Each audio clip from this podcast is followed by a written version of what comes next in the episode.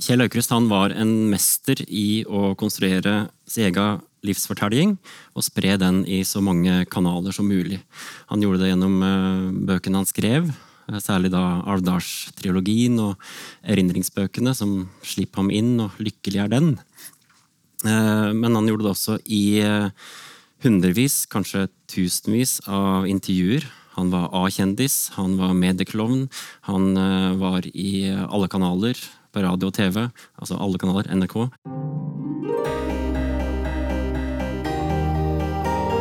Boktips med Knut Gørvel. Dagens gjester er Sigmund Løvaasen, Siri Lill Mannes og Vidar Hansen.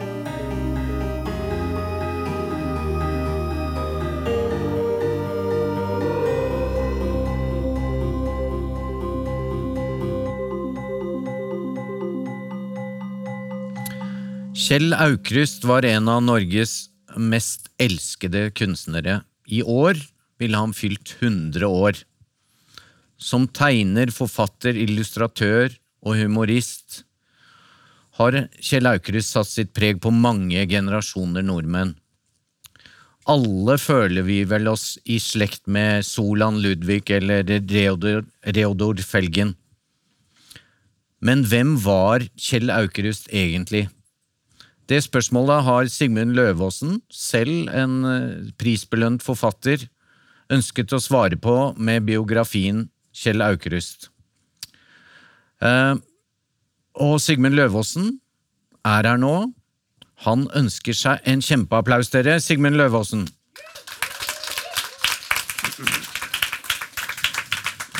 Velkommen. Takk for det. Ja, eh, hva var ditt forhold til eh, Kjell Aukrust? Jeg er jo født på 70-tallet og oppvokst på 80-tallet i Trysil, som jo er Østerdalen, på lik linje med der Kjell Aukrust vokste opp. Eh, og jeg har nok et ganske sånn vanlig forhold Jeg hadde et vanlig forhold til Kjell Aukrust, som, som mange i min generasjon hadde. Vi møtte på 17. mai og gikk på kino der det var gratisvisning av Flåklypa Grand Prix, og var strålende fornøyd. Eh, og det var nok eh, mitt kontaktpunkt med Kjell Aukrust i veldig mange år. Før jeg begynte å lese litt av tekstene hans. Men det var først da jeg begynte å skrive den boka her, at jeg satte meg ned og gikk gjennom alt, Ja, og- og- alt det han har skapt. Hvorfor og hvordan begynte du å skrive? Det kunne aldri ha falt meg inn å skrive en biografi om Kjell Aukrust. Nei. Hvis ingen hadde spurt meg. Men etter at jeg var spurt, så eh, tok det ca. 2 12 minutt før jeg tenkte at uh, Sjølsagt. Det er opplagt at jeg skal skrive en biografi om Kjell Aukrust. Og det er veldig tydelig at det er en kjempegod match. Uh, og, og Kjell Aukrust er jo, eller var jo mye større enn mange av oss egentlig husker, vil jeg tro. Fordi det, det er en berusende lykkeopplevelse å lese om alt det, det morsomme som skjedde rundt han. Jeg tenkte at vi skulle, litt som i boken, følge det litt eh, kronologisk. Eh, så, så for de som eh, kjenner noe til Kjell Aukrust og barndommen, så har det vært en slags sånn forestilling om at han eh, eh, var en skoletaper, eller liksom, det er liksom fra skoletaper til geni. Men eh, ja, det er kanskje litt mer komplisert enn som så. Ja, det er det. Um, Kjell Aukrust var en mester i å konstruere sin egen livsfortelling og spre den i så mange kanaler som mulig. Han gjorde det gjennom eh, bøkene han skrev, eh, særlig da Alvdalstrilogien og erindringsbøkene som slipper ham inn' og 'Lykkelig er den'. Eh, Men han gjorde det også i eh, hundrevis, kanskje tusenvis av intervjuer. Han var A-kjendis, han var medieklovn, han eh, var i alle kanaler på radio og TV. Altså alle kanaler, NRK. Og, og overalt. Og en stor del av det han gjør, er å gjenfortelle den livshistoria sånn som han sjøl har uh, laga den, eller sånn som han sjøl har konstruert den for at det skal bli god litteratur. At det skal funke som gode, humoristiske og fengende korte fortellinger. Og det, det har etablert seg da som historia om Kjell Aukrusts liv. Og der er vi da inne på den skoletaperen. Eh, og det, det var det jeg hadde oppfatta også da jeg begynte med det her, og ganske langt ut i arbeidet med, med biografien. Kjell Aukrust han var en håpløs unge. Eh, foreldra skjønte ikke hva det skulle bli til han. Eh, han Riktignok lagde han veldig flotte sånne førstebokstaver i setningen med masse krumelurer på de store, store bokstavene. Og innholdet i fortellinga var heller ikke noe problem. Det var jo bare å kjøre på med alt som dukka opp i huet. Uh, Hilde Østby snakka om temporallapp. Hadde Kjell Aukrust temporallapp? Hadde ikke lapp i det hele tatt. Eller hva slags. Mm. så han, han Men han sleit vel med Han var ikke ordblind, men han sleit vel litt med ortografi? Ja, og... han var aldri god, aldri god på rettskriving. og men han ble målt opp mot uh, de beste av de beste. Bror min Odd Aukrust, som mm. mange kjenner fra Statistisk sentralbyrå. Uh, skoleflink storesøster. Uh, foreldre med høyere utdannelse. Et boklig og lærd hjem. Onkel Olav Aukrust, dikteren fra Lom, mm. osv. Og i en sånn sammenheng så er det lett å, å falle gjennom. Forventningene var skyhøye. Så far og bror og andre så på han som en håpløs unge som de ikke skjønte hva det skulle bli til. Av, bli av. Men, men, den fremste fortelleren av historia om skoletaperen Kjell Aukrust er Kjell Aukrust. Så det passet han veldig godt? Passet han historien. ekstremt godt. han forteller bl.a. en historie om at han gikk siste tida på folkeskola, eller folkeskola på Vestre Åbu skole i Åmot. Han bodde hos bestemor si der. Og der uh, klarte han å få NG i tegning. Og uh, Sjøl sier han at uh, det var for at altså, han Dagens unge vet jo ikke hva det er engang. Noen. Det er vel ja, en toer, da. Ja. Noe sånt i dag. Mm. Uh, Sjøl sier han at det var fra den ikke kjente læreren. Vidar Sandbekk, som gikk på samme skole, sier at det handla om en karikatur av læreren. uh, også, men han fikk jo tilsendt kopier av karakterprotokollen uh, fra Vestre Åbu skole. Og Der eh, står det at skoletaperen Kjell Aukrust han hadde meget i alle fag, bortsett fra tegning, der han hadde særdeles godt. ja. Så sånn har han eh, konstruert en del, del, av de fortellingene om seg sjøl. Og det passa veldig bra inn. Han var gutten som, eh, som ikke kunne skrive, og som ble bestselgende forfatter og solgte millioner av bøker. Han var den eh, fargeblinde gutten som ble kunstmaler. Og han var gutten som fikk NG i tegning på skolen og ble tegnekunstner i verdensklasse. Mm. Uh, uh, apropos at han ikke Eller at han var opptatt av myten om seg selv. Mm.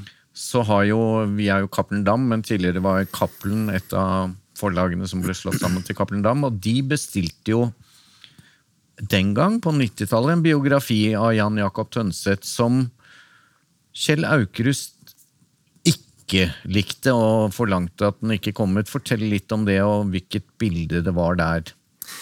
Ja, det var jo egentlig Kjell Aukrust som bestilte den biografien. Og han hadde en posisjon, sånn at Cappelen uh, Ja, Så var han nikka. som bestemte sin biograf? Ja, for Jan Jakob Tønseth har skrevet en uh, så positiv anmeldelse av en av bøkene hans i, i, uh, i Dagbladet. Og sett Aukrust både som Eh, seriøs tegnekunstner og seriøs humorist. For han slet litt med humoriststempelet mm. opp gjennom åra. Eh, så han ville ha Tønseth. Cappelen måtte nikke og bukke. Og så satte han i gang med jobben. Gjennomførte masse intervjuer med Kjell Aukrust. Gjorde annet arbeid. Og så fikk Kjell og Kari Aukrust manuset til gjennomlesning. Og da ble Cappelen kalt inn på teppet det var helt uaktuelt å gi ut den boka. For i den boka så skrev eh, Tønseth om eh, krigsåra. Og faren til Kjell Aukrust fikk en landssvikdom etter krigen. Og det var mange i slekta. Aukrust-slekta i Lom og morsslekta i Åmot var det også noen som fikk sine dommer etter krigen. Og det ville da Kjell eh, Aukrust og Kari at skulle holdes unna offentligheten. så langt, det- langt det var mulig. Og du skriver også om dette i din bok. Eh, Ja. Og det er jo selvsagt ikke det beste delen av Aukrusts liv, men det, det Hva slags form for eh, Hva slags dom fikk han, og hvorfor? Altså faren? Faren var aldri medlem av eh, NS, men han skrev artikler som støtta opp under NS, og støtta frontkjempersaken økonomisk. Eh, Så han eh, fikk en, en dom og sona, sona sine dager bak lås og slå. Betalte bøter osv. Men det verste for han, han mista stillingen som bestyrer på Storsteigen landbruksskole, som var eh, livsverket. Mm. Men de krigsåra var jo altså det, det, er, det er spennende år i Kjell Aukrust sitt liv. For det var jo, han sto da med ene foten i et kunstnermiljø i Oslo. Eh, gikk på kunst- og håndverksskolen, skulle bli reklametegner. Eh, og så hadde han andre foten i slekta, eh, Heme, som da eh, helte mot en annen politisk vei. Så det, det må ha vært eh, en vanskelig, vanskelig tid på den måten. Men Kjell Aukrust han blomstra som kunstmaler under krigen. Og farta veldig mye rundt eh, med malerkolleger. Røros, Lom, Rondane, Jotunheimen, Alvdal så klart, og, og Marte. Ja, eh, Du har også masse fine mm, illustrasjoner og malerier eh, gjengitt i boka. Men litt tilbake til det at han eh, ble maler da, og tegner. Altså, det har også vært en myte som han har trodd var en myte. eh, Som eh, selvbiografien hans eh, ble oppkalt etter, 'Slipp ham inn'. Og da hevdet han selv at eh, Henrik Sørensen eh, hadde eh, gitt ham en lapp liksom, til eh, kunst- og håndverksskolen eh, hvor det sto 'slipp ham inn'. Og dette har du oppdaget noe nytt under eh, arbeidet. Ja, for det var jo um, Det, det, er, det er kjerna i Kjell Aukrust sin eh, fortelling om inngangen til kunstnerlivet. Han møter uh, Henrik Sørensen, Uh, kommer under hans, uh, hans vinger. Eh, Henrik Sørensen har jo en eh, veldig mektig posisjon i norsk kunstliv den tida, både i kraft av eh, å være en framifrå kunstner, men også sitter i maktposisjoner rundt om. Etter en tid så tar Kjell Aukrust med seg noen malerier til Sørensen, og Sørensen tar opp en lapp og skriver 'Kjell Aukrust er eller skal bli maler. Slipp ham inn'. Og det skal holde da, for å komme inn på kunst- og håndverksskolen. Det er bra opptaksprøver den gangen. Ja, ja. Så, eh, så Men etter hvert som jeg skjønte at uh, Kjell drev og justerte de fortellingene sine noe, uh, så tenkte jeg kan det være sånn at også den lappen bare er noe han har, funnet på? Sjølve kjerna i hans uh, kunstner, kunstnerfortelling. Og, og, og lappen var borte. Og Dagfinn Grønås mente han hadde sett den i 1941. Eh, begynner å bli noen år siden. Og da hadde i tillegg både Kjell Aukrust og Dagfjord Grønåse vært veldig fulle eh, på kjøkkenet på Storsteigen. De pissa i kors i utslagsvasken og sverga evig vennskap. Og det, det, det holdt det livet ut. Eh, og Kjell sjøl sa at nei, det var borte på en fest. Det var bare journalister til stede. Men i fjor, i oktober i fjor, så var vi oppe på loftet der Kari og Kjell Aukrust bodde hele livet. Og i en pappeske bak pipa oppå der, andre dagen vi var der og rota, der var det en utgangsbok som jeg slo opp, og der var eh, lappen fra Sørensen. Og der står det 'Min venn Kjell Aukrust er eller skal bli maler. Går på malerskole. Slipp ham inn'. Det er flott, da, og det er avbildet i boken. Eh, la oss snakke litt om suksessen til eh, forfatteren. Eh, altså, Det begynte med Simen, og så ble han jo uhorvelig populær. Fortell litt om det. Ja, eh, de eh, fortellingene som er samla i Simen, de hadde også en lang forhistorie. Det var også den samme natta på kjøkkenet med Dagfinn Grønose. De fortalte historier til hverandre, og Dagfinn sa du må skrive det ned. Du må skrive det ned. Og det gjorde han etter hvert, men det kom ut da i 1958. Og Peder Cappelen og Kjell Aukrust satt spente på Helge Eriksens forlag med hvert sitt glass sherry og pipa i kjeften og lurte på åssen dette her skulle gå. Er det noen som er interessert i å lese det her i bokform? Det hadde funka i Dagbladet, men vil det funke i bokform? Og det funka som bare det. De solgte 80 000 eksemplarer av boka før, eh, før jul. Og den har eh, fortsatt å selge veldig godt. Det kom en oppfølger, 'Bonden', og bror min kom også. Den kjente Alvdalstriologien. Mm. Og innimellom her kom bøkene med stoff fra Flåklypa Tidene, og de også solgte like bra. Så det her var en gigantisk suksess. Det var det da, og det ville også vært i dag hvis uh, da hadde vi hatt uh, Aukrust og Nesbø. Ja, og det, det, var, det, er på en måte, det var jo virkelighetslitteratur, for det handlet om han selv og, mm. og vennene. Ja, det var og det. bror min, da. Mm. Det var eh, Det var, kan sies å være ja, Jeg liker ikke det brepet virkelighetslitteratur, Nei. men ja. Beklager det, men ja. Han tok utgangspunkt i sin egen oppvekst, kameratgjengen i Steia oppe i Alvdal. Og, skrev ut fra det. Og du skriver om at uh, Simen uh, jo ikke var så begeistret, fordi han følte jo at det var om han, og var ikke helt forberedt på dette enorme trykket. Nei, uh, og det er jo lystige og, lette og humoristiske og ufarlige tekster og tegninger.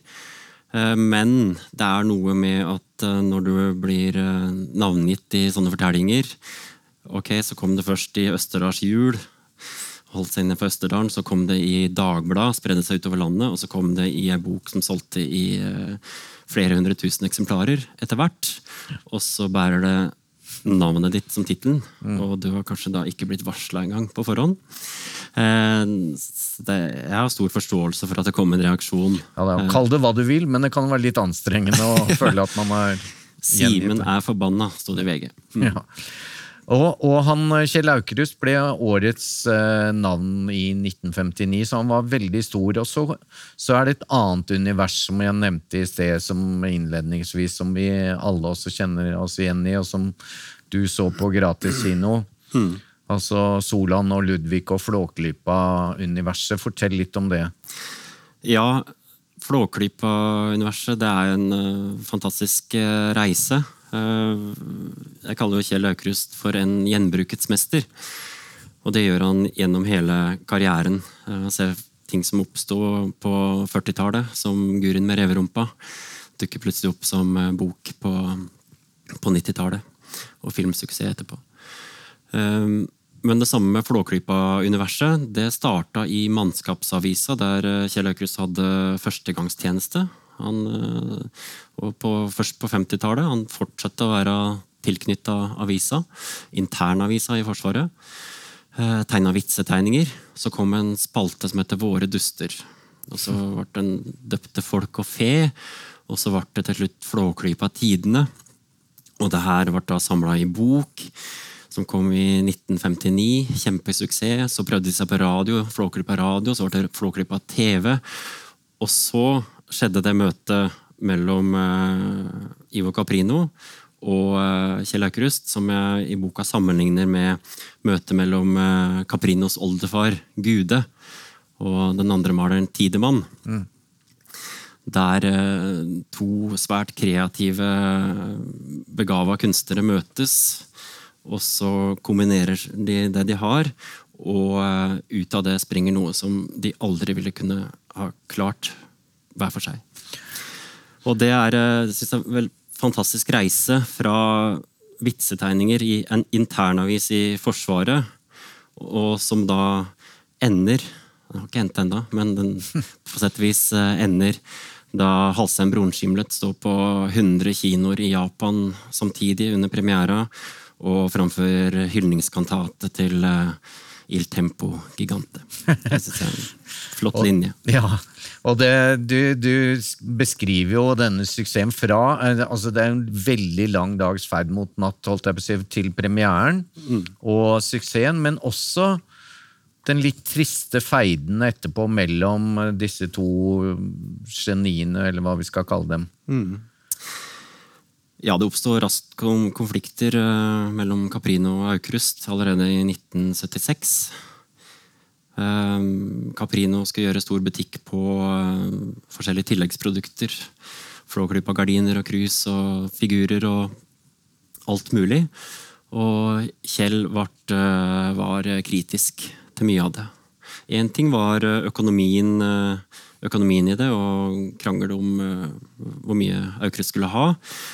Men noe annet var eh, at eh, Kjell Aukrust følte at hans kunstneriske univers ble vanna ut og kommersialisert på en måte han, han ikke ville leve med.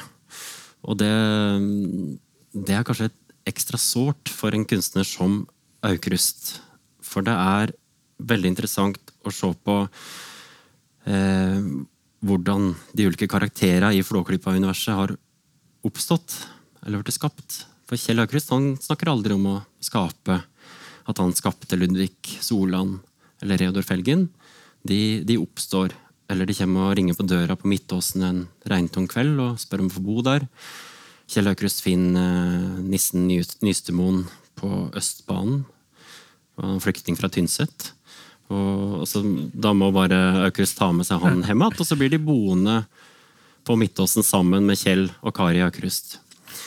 Eh, og det er klart, når noen eh, gjør ting med de her karakterene, som Kjell Aukrust så på som nære venner, han så på som deler av seg sjøl, og noen han snakka og levde sammen med til daglig, så er så klart det ekstra vanskelig når noen lager dårlige Flåklypa-gardiner som du Ja, og, misliker. Og, og, og særlig da Solan og Ludvig var jo nærmest som barna de ikke fikk. Altså, de er jo med i dødsannonsen også til Ja, eh, jeg, da jeg begynte på biografien, så trodde jeg at Kjell Aukrust var veldig god på det spillet ut i media. eh, Der han spilte ut at eh, han bodde sammen med Solan og Ludvig. Så skjønte jeg etter hvert, jeg snakka med venner og familie og andre, at nei, han, eh, han bodde sammen med Solan og Ludvig. Hver kveld eh, da, før Kjell skulle legge seg, så gikk han eh, bort til Kari og spurte om er gutta inn igjen. Ja da, sa Kari hver kveld. Og så kunne Kjell gå og legge seg. Men kanskje var han da bort til døra inn til rommet der Ludvig og Solan lå og sov, og, og sto en stund og hørte på hva de snakka om før de sovna. Og som du er inne på, de, to eneste pårørende som er navngitt i dødsannonsen til Kari Akrust, som døde i år, er øh, Solan og Ludvig. Og de var to av få som var navngitt i dødsannonsen til, til Kjell. Så det, det var et uh, spesielt forhold. Og for å beskrive åssen jeg tror Kjell Aukrust levde sammen med Solan og Ludvig, så pleier jeg å be folk se for seg eh, Reodor Felgen fra Flåklypa. Åssen han sitter ved tegnepulten og skaper de mest utrolige, fantastiske oppfinnelser. Småprater litt med Ludvig og Solan, og de hjelper han litt. og Det er litt krangling og litt sånn. Og samtidig som Reodor har en veldig kjærlighet og omtanke for de her eh, gutta. Og sånn var det nok også på, på Midtåsen, der eh, Kjell satt ved tegnepulten. Han lagde ikke oppfinnelser, men han skapte fantastisk kunst. På samme vis som Reodor skapte sine ting. Eh, diskuterte litt med Solan og Ludvig. Eh, sa ha det når de gikk ut. Ønska de velkommen når de kom tilbake fra teaterkafeen. Og, og, og viste også en stor kjærlighet og omsorg for de her personene som han snakker om som to sider av seg sjøl, men to sider av seg sjøl som da spilte seg ut på gulvet i leiligheta der han bodde. Eh, Hvis du nå, helt sånn avslutningsvis, altså, hva tror du ikke om 100 år til, men om eh, en del år, da, hva er det som liksom blir stående som høydepunktet fra Kjell Aukrust? For meg så er, eh, er det tegnekunstneren Kjell Aukrust som står høyest, hvis vi ser på kunstnerisk kvalitet. Der er han en, en ener. Um, Så det, det har jeg et håp om at tegnekunsten blir stående. Eh, og så tror jeg helt sikkert at eh, Flåklypa Grand Prix og Flåklypa-universet kommer til å, å leve videre i 100 år, kanskje. Håper, håper det. Og så håper både Sigmund og vi at uh, boka di selger 80 000 til jul. Tusen takk, Sigmund Løvaasen.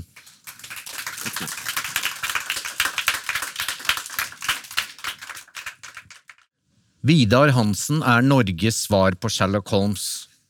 Han var politimann, og eh, da ofte så ba de kriminelle om ikke la meg bli forhørt av Vidar, for han gjennomskuer oss, eller det er noe tankeoverføring. Det er et eller annet som er galt med han. Han ble også den politimannen som fikk eh, ble uthevet som den som hadde pågrepet flest kriminelle i Norge. Og en del av, eller kanskje selve nøkkelen til det, var at han eh, kunne kunsten å lese kroppsspråk.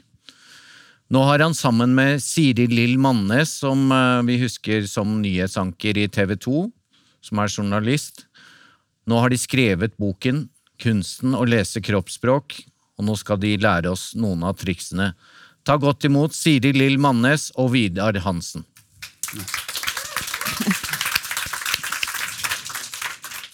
Ja, velkommen eh, Siri og Vidar. Tusen takk. Eh, dere skal gi oss litt eh, innblikk i dette med kunsten å lese kroppsspråk.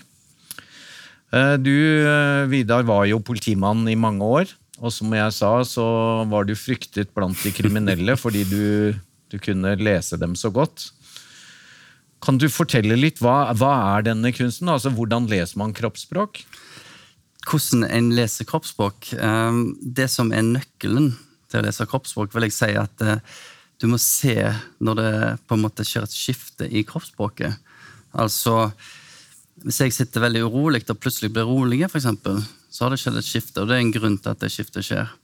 Og det en ord må legge merke til, det er når ordene du sier, ikke samsvarer med kroppsspråket. Og bare for å si det, Problemet da, hvis det ikke samsvarer, så har vi en tendens til å tro mer på kroppsspråket enn ordene. Så Derfor er det viktig å gjøre det rett. Og du, eh, eller dere, altså må bare si det sånn, Siri har jo da liksom ført dette i pennen, så vi kommer litt tilbake til samarbeidet. Men her så beskriver du i boka at eh, du hadde en eh, relativt sånn fryktelig aha-opplevelse som førte til at du skjønte noe av dette. Fortell om denne jenta. Ja, ehm, jeg eh, gikk ut av Politihøgskolen i 1999. Så rett etterpå så begynte jeg å jobbe i Bergen. Og en av mine første oppdrag var på ei bro utenfor sentrum. Og meldingen var at det var jenter jente som skulle hoppe fra ei bro. Og eh, når vi kommer ut på broa, så står hun på utsida av gjerdet. Og vi springer ut og begynner å kommunisere med henne. og det etter hvert så får vi en god kontakt, og det er en helt fantastisk følelse når hun plutselig sier at hun har lyst til å komme over på rett side av gjerdet, altså tilbake. Og Da er prosedyren sånn at vi kjører henne på legevakten, sånn at legen kan avgjøre om hun skal framstilles eh, eh, på psykiatrisk akuttmottak, eller om hun kunne kjøre henne hjem. Og Hun var 17 år, så legen sier at eh, alt er greit, du kjører henne hjem. Og Så kom jeg hjem til henne, og vi står i gården, jeg står og prater med foreldrene hennes. Og plutselig så kommer hun jenta bort til meg, og så gir hun meg en sånn skikkelig god klem. Og så sier hun 'tusen takk for hjelpen'. Og så kjenner jeg det stikke i magen. tenkte Her var det et eller annet som ikke stemmer.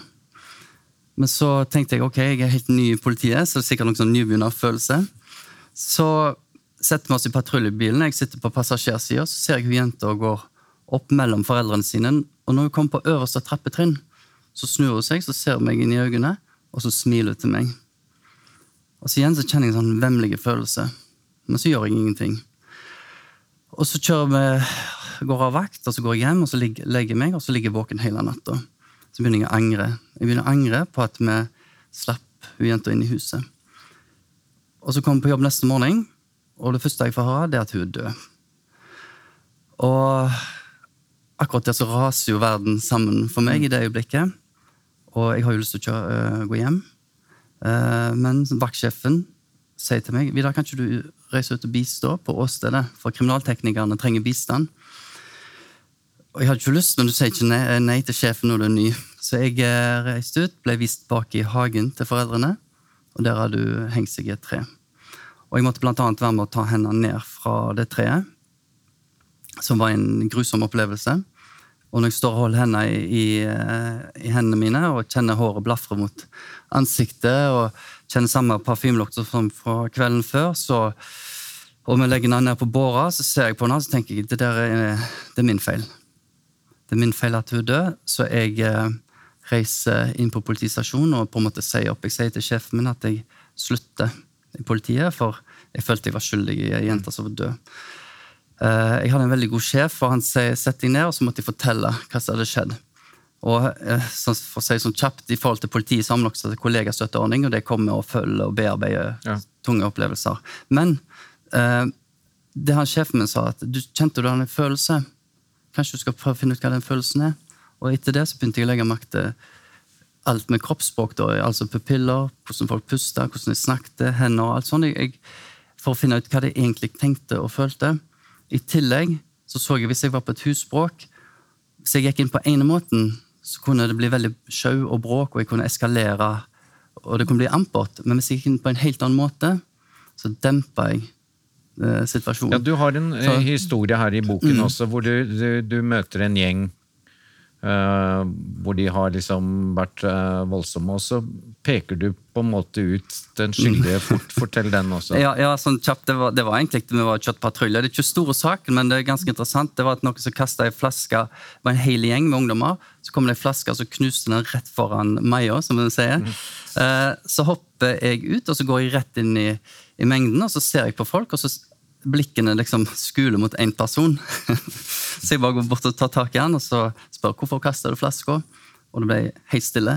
Og han innrømte jo hva han hadde gjort. Og da var det mye diskusjon hvordan Så lett er det å Ja. virke som man er eh, metafysisk. ja, men, men, men, men det gjelder å følge med, for de har jo fokus på den som har gjort det. Så, så derfor eh, Ja. Men, men eh, Siri, fortell litt. hvordan ble dette en bok? Nei, Det ble en bok fordi eh, jeg har blitt kjent med Vidar over flere år. Han har vært instruktør på kurs i mitt, eh, min bedrift i kroppsspråk. Og jeg har jo sett hvor fascinert folk blir av dette. For dette er et tema som Vi er jo ute i det alle sammen hver eneste dag, og vi møter mennesker som ikke nødvendigvis snakker med, men men som sender signaler. Og jeg ble mer og mer interessert i det Vidar åpenbart kan. av Altså, Du har en innsikt som ikke er vanlig. Og den har jo han trent opp gjennom år, der han har eh, møtt folk som ikke ville snakke med han, som eh, kanskje satt i avhør, eller som iallfall ikke ville gi sine sanne meninger til politiet. Og, og når du har lært de ferdighetene, så ble jeg veldig nysgjerrig, hadde lyst til å lære mer, og tenkte da at her er det helt sikkert flere som kan tenke seg det. Og så var det Vidar som spurte om om jeg ønsket å skrive den boka med ham. Bare sånn uh, liten digresjon når dere da sitter der nede og venter på at dere skal opp. For det første så tenker jeg at dere sikkert analyserte oss som satt her oppe, men har dere da også For det, det handler jo litt om at man kan lære seg litt. Har dere nå liksom tenkt ut hvordan uh, Se her, han ber, og du er litt sånn dydig. Har dere tenkt ut dette, eller er det bare Jeg, jeg Det er tenk, sånn. tenker veldig lite Ja. over sånt, men, men eh, Vidar kan jo svare. Ja, ehm, det er ofte det som vi ser da, hvis en sitter ofte uten armlener, så sitter en ofte sånn. Ehm, nå skal ikke jeg, eh, men jeg bare la merke til for eksempel når Sigmund, Sigmund var her, eh, så startet han med å sitte sånn, eh, og, og så etter hvert så tok han hendene her. Og det er for at du beskytter de sårbare områdene, føler deg litt utrygge, så du må på en måte se hva situasjon en er i. Sant? Og det er jo å komme her, og publikum må stille spørsmål, så er det jo litt utrygt, og da kan en kanskje beskytte seg på den måten. Så, så det er, vi, vi handler på en måte mye på instinktet i forhold til situasjonen. Er det sånn da at eh, nå jobber dere også sammen med annet enn bok? Ja, vi holder kurs. Ja. Ja. Er det da sånn at dere lærer eh, politikerne og sånn? For dere har jo en del eksempler fra Angela Merkel som har en sånn katedralhånd eller noe Ja, sånt. Altså, mm, Kirketårnet. ja, altså er det dere lærer da Jens eller Jonas eller hva de nå heter, Erna, eh, hvordan de bør eh, opptre, eller eh, hva, hva gjør dere? Ja, men det, men det som er så unikt med kroppsspråk, om du heter Erna eller om du, heter, om du er en 14-åring som er konfirmant, så har du nytte av det. For det er de samme prinsippene som går igjen, og vi spiller på de samme følelsene ut mot folk. Så Erna kan lett plutselig eh, bli oppfatta som arrogant. Hvis hun hadde gjort det forskjellige grep i kroppsspråket. Sant? Så, så, så det er viktig for henne å gjøre det rett og på en måte eh, framstå troverdig og tillitsfull. da. Og i, I boka her så er det jo enda viktigere egentlig at foreldre for eksempel, kan fange opp signaler om at noe er galt hos barn. og Nå har vi hørt om mange ting som, eh, som egentlig er signaler på at noe ikke stemmer i løpet av den kvelden her. Og det er ting som Vidar går inn på i, i boka, og forteller om eh, hvordan du kan Både signaler på rus, ulike rusmidler. altså Det, det er en ganske alvorlig bok. Det er ikke en bok om sirkustriks. Det er viktig å understreke. Nei, men den er også underholdende, også fordi dere bruker jo eksempler. Du er jo historiker. Eh, og den bruker jo også eksempler fra altså storpolitikken. Fortell litt om noen av Jeg kan fortelle om et eksempel som ikke står i boka. Ja.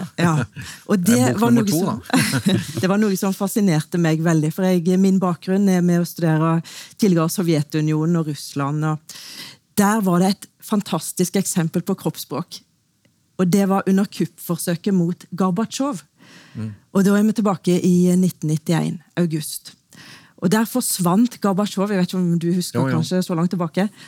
Ja, jeg er såpass gammel, jeg husker det. og det er jeg òg. Og, og han forsvant ut av syne noen døgn. Og så kommer det en sånn komité som arrangerer pressekonferanse og stiller seg opp foran eh, folket og skal forklare hva som har skjedd.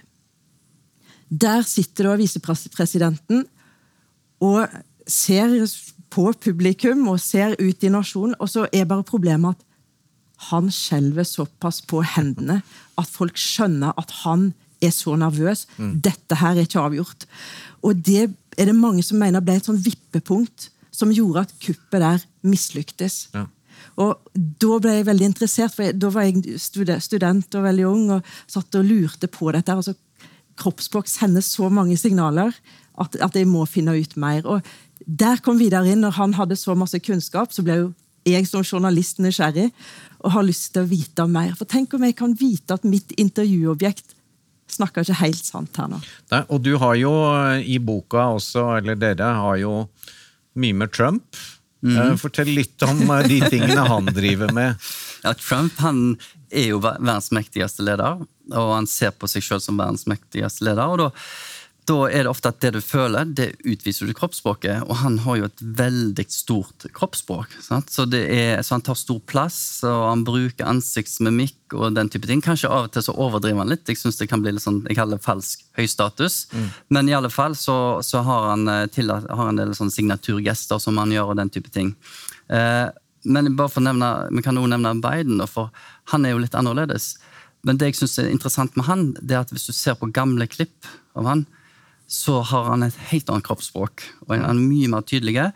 Og det er jo sånn at kroppsspråket forandrer seg. Så si når du er en liten unge, så har du faktisk dobbelt så mye ge- faktorer i kroppsspråket eh, som du, når du er voksen, pga. at ungene må kompensere med kroppsspråket, for de har ikke utvikla talen så godt. Men når du blir eldre, da, så blir du litt sånn stivere. Kanskje litt sånn som Biden er nå, at han er mye mer stivere. Og, og det går kanskje på fysikken hans, men det kan også, i og med at det mentale har en del med seg med kroppsspråket, så kan det òg gå på det mentale. Og da kan det vel kanskje være sånn at man nå får eh, litt følelsen av at tross alt så er Trump eh, mer dynamisk enn denne gamle stive mannen som ikke helt husker. Det er helt rett. og det, det er bare å nevne, det er mange som ikke er klar over det òg. At av de siste 28, 28 valgene, så har 19 av de valgene da, så har den høyeste kandidaten, kandidaten vunnet. vunnet. Og, og det er ganske interessant. Eh, og hvis du ser på eh, Biden og Trump, så er, hvis du ser på Wikipedia, da, så er Trump han er 1,91 og Biden A84. Så han har faktisk en, eh, faktisk en liten fordel. Huff a meg, vi får håpe det er unntak. Ja, det er, det er akkurat det det. Men, eh, men Siri, du nevnte noe som vi alle er interessert i, både privat og offentlig. Løgn. Hvordan er det mellom dere? Avslører han deg hvis du tar en sånn hvit løgn, eller? Jeg tør jo ikke. Nei, nei. Nei, og det, det var litt skummelt, faktisk, første gang jeg møtte Vidar. For jeg hadde fått en melding på Facebook, og han skrev hva han hadde holdt på med. Og jeg skulle møte han. Og da var jeg bevisst på kroppsspråket. Da lurte jeg på om, eh, hvor har jeg hendene nå, og sånne ting. Men eh, jeg eh, tror ikke jeg hadde løyet veldig direkte til Vidar. Han, han, han ser det. Ja, fordi det er jo også et interessant kapittel. da, at du, du, Vi er jo opptatt av er det utroskap, lyver barna om eh, ja, rus eller hva det nå er.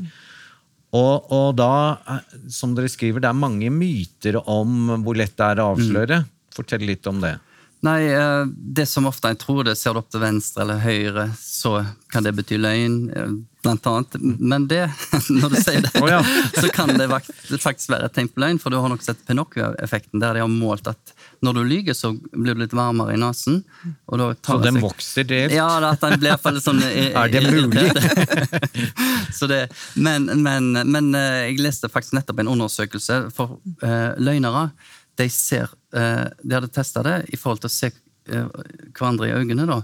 Og løgnere hadde faktisk eh, 70 en, en så folk, De som løy, så folk i øynene 70% mer enn de som ikke løy.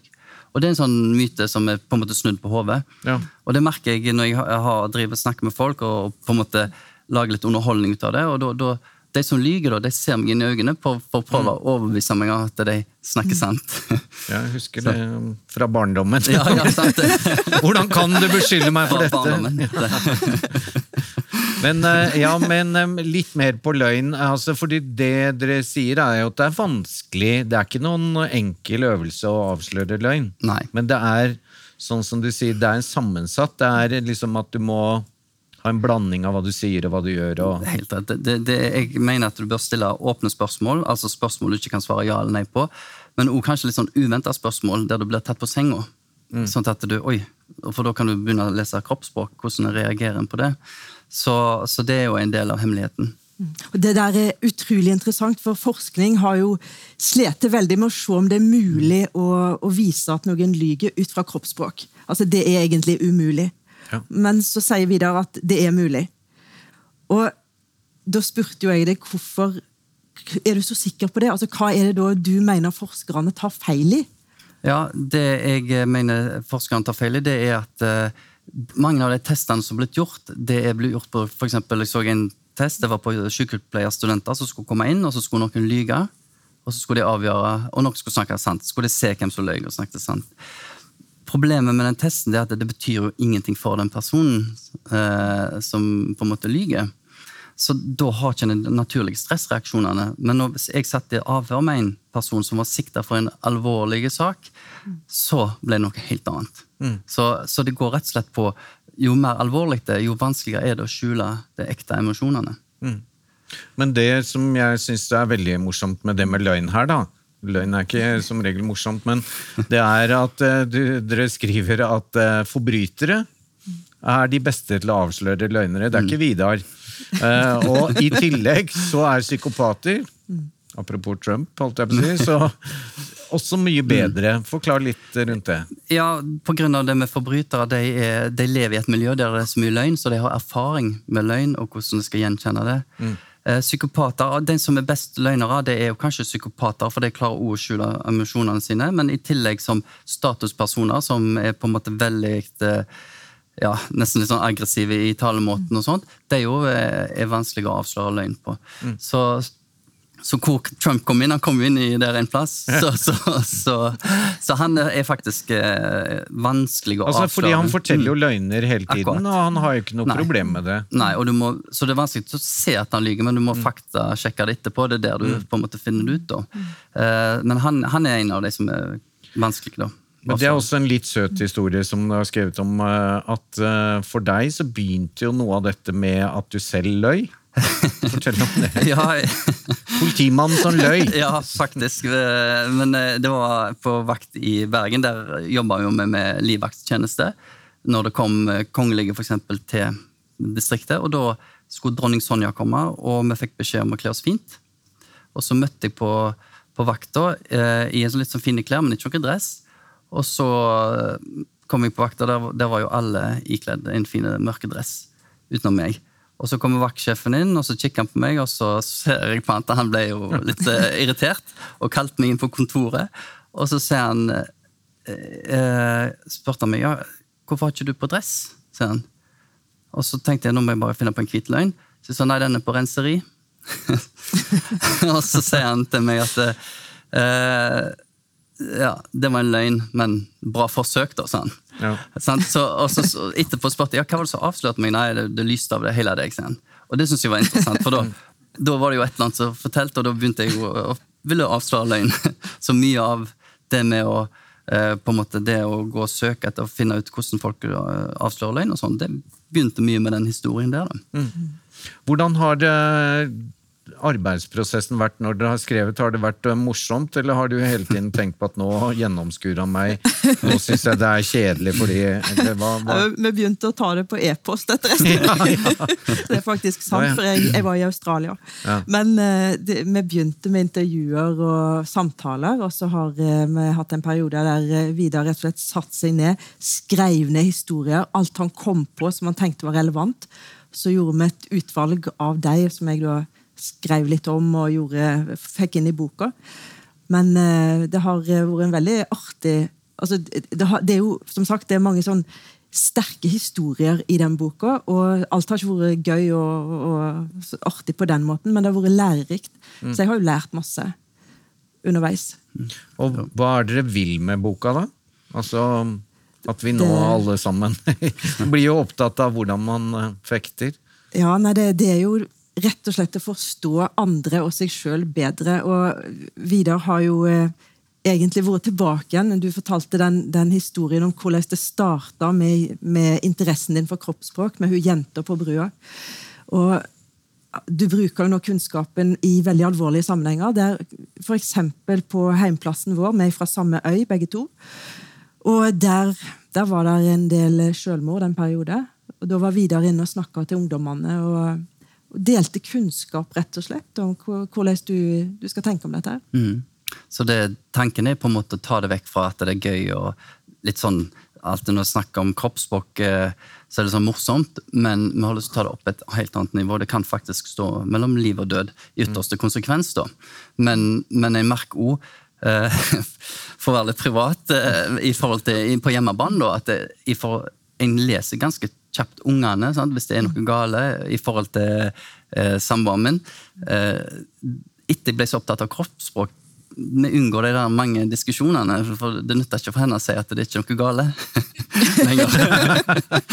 så, så, så, så du tar det ganske kjapt, eh, sånne ting. Og, så så det, det, det, det skaper en bedre relasjon mellom de nærmeste og arbeidskollegaer og, og sånne ting. Du må nesten si hva det vanligste du får Ja. høre etter showene dine. Senest på fredag, så alltid når jeg har underholdning og show, og sånn, så handler jo det litt om å avsløre løgn. Og da kommer det alltid damer opp til meg etterpå og så sier at 'jeg er så glad jeg ikke er kona di'. sier de. Jeg Så det må skjønner være det. og. Men hva er det disse showene og sånn, hva er det du liksom gjør? Nei, det er jo mer en underholdningsform, Ja. da, der jeg tar opp folk og Jeg, jeg lager en illusjon av min sjette sans. Vi bruker de fem sansene vi har, sier jeg. Sant? At det, det ser jo, kan jo se ut som jeg er synsk uten at jeg er det. Så det er liksom, men du gjør det på en morsom, artig måte. At, det- ja, sånn at du involverer på en måte publikum. Og, Så det, det er Ja. Men mener det du at én En ting er at det er viktig å tenke total uh, kommunikasjon, på en måte, men er det viktig, bør vi alle lære oss Altså, ikke sant, ikke sitt sånn, eller altså når du skal møte mennesker og sånn, er det viktige ting i boka som vi kan lære for å kommunisere eller gjøre det bedre i møte med andre? Ja, absolutt. Og det det, det jeg mener at av og til, for eksempel eh, hvis du skal i, i, på viktige ting, så er det utrolig viktig å gjøre de rette tingene og i forhold til kroppsspråk, for å gi, gi best mulig inntrykk av deg sjøl. Og det, det kommer det inn. Og sånn som jeg nevnte om relasjoner og den type ting. Så, så får jeg er ganske sikker på hvis du leser boka, så får du en ganske mange sånne aha-opplevelser. Og det der med, Du nevnte politikere, men det, det som vi jobber mest med, er jo vanlige folk som f.eks. sliter med å nå fram i møter, eller at de, de har masse autoritet. De er kanskje sjef, men de vil gjerne presentere bedre. Og det, det er sånne mennesker som komme inn og lure på hva kan de gjøre med kroppsspråk for å nå bedre fram. rett og slett. Det kan være ganske enkle ting. som mm. Du har jo hjulpet folk som, som sleit virkelig med å nå fram. og så Litt endring i kroppsspråket, så, så går det bedre. Ja, og det, det er jo klart, eh, her er det beskrevet eh, at det er en del ting som på en måte nærmest er eh, genetisk nedarvet. Altså når man flørter med noen, så liksom menn de retter seg opp og trekker i magen. mens eh, kvinner gjør noe annet. Altså, men, men dette kan vi også øve på, da. Du kan det, eh, absolutt, så, så lenge du er klar over de tingene du gjør. Og, og når du snakker om genetisk, vi har jo en del instinkt fra, som, som egentlig kom fra millioner år siden. Og bare når jeg så i pausen når du pekte på noe vann her det, er f.eks. en universell gass som du finner både i, i Norge og Peru, for eksempel, eller hvor som helst. Men forskjellen er kanskje på hvordan vi, noen peker sånn, noen peker sånn, noen peker sånn. Så, så det er kulturelt betinget, men, men, men, vi har en del universelle ting i kroppsspråket som Og det er jo det som gjør det interessant, for da kan vi jo lese kroppsspråket både her og i, hvor, hvor enn du er i verden. Jeg hørte om da Ballade var i Kina med Lars Klevstrand og de, at eh, de fikk applaus, sånn som dere sikkert snart gir, og så satt de seg sånn etterpå. Ja.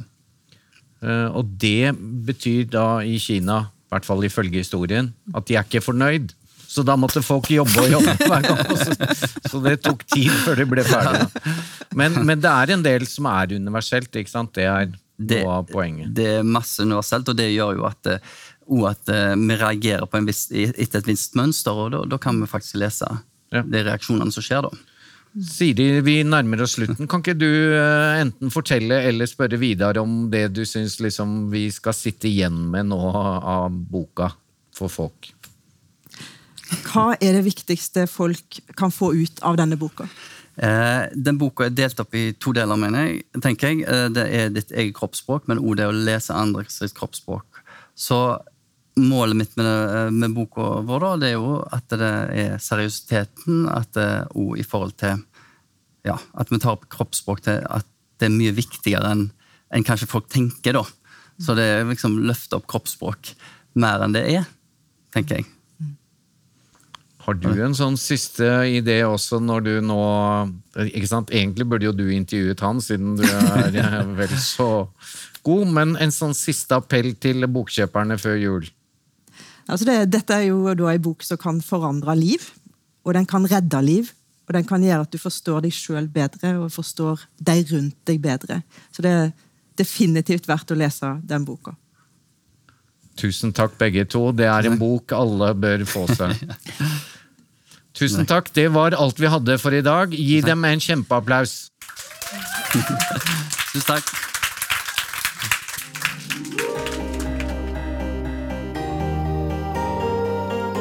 Boktips, en podkast fra Cappelen Dam.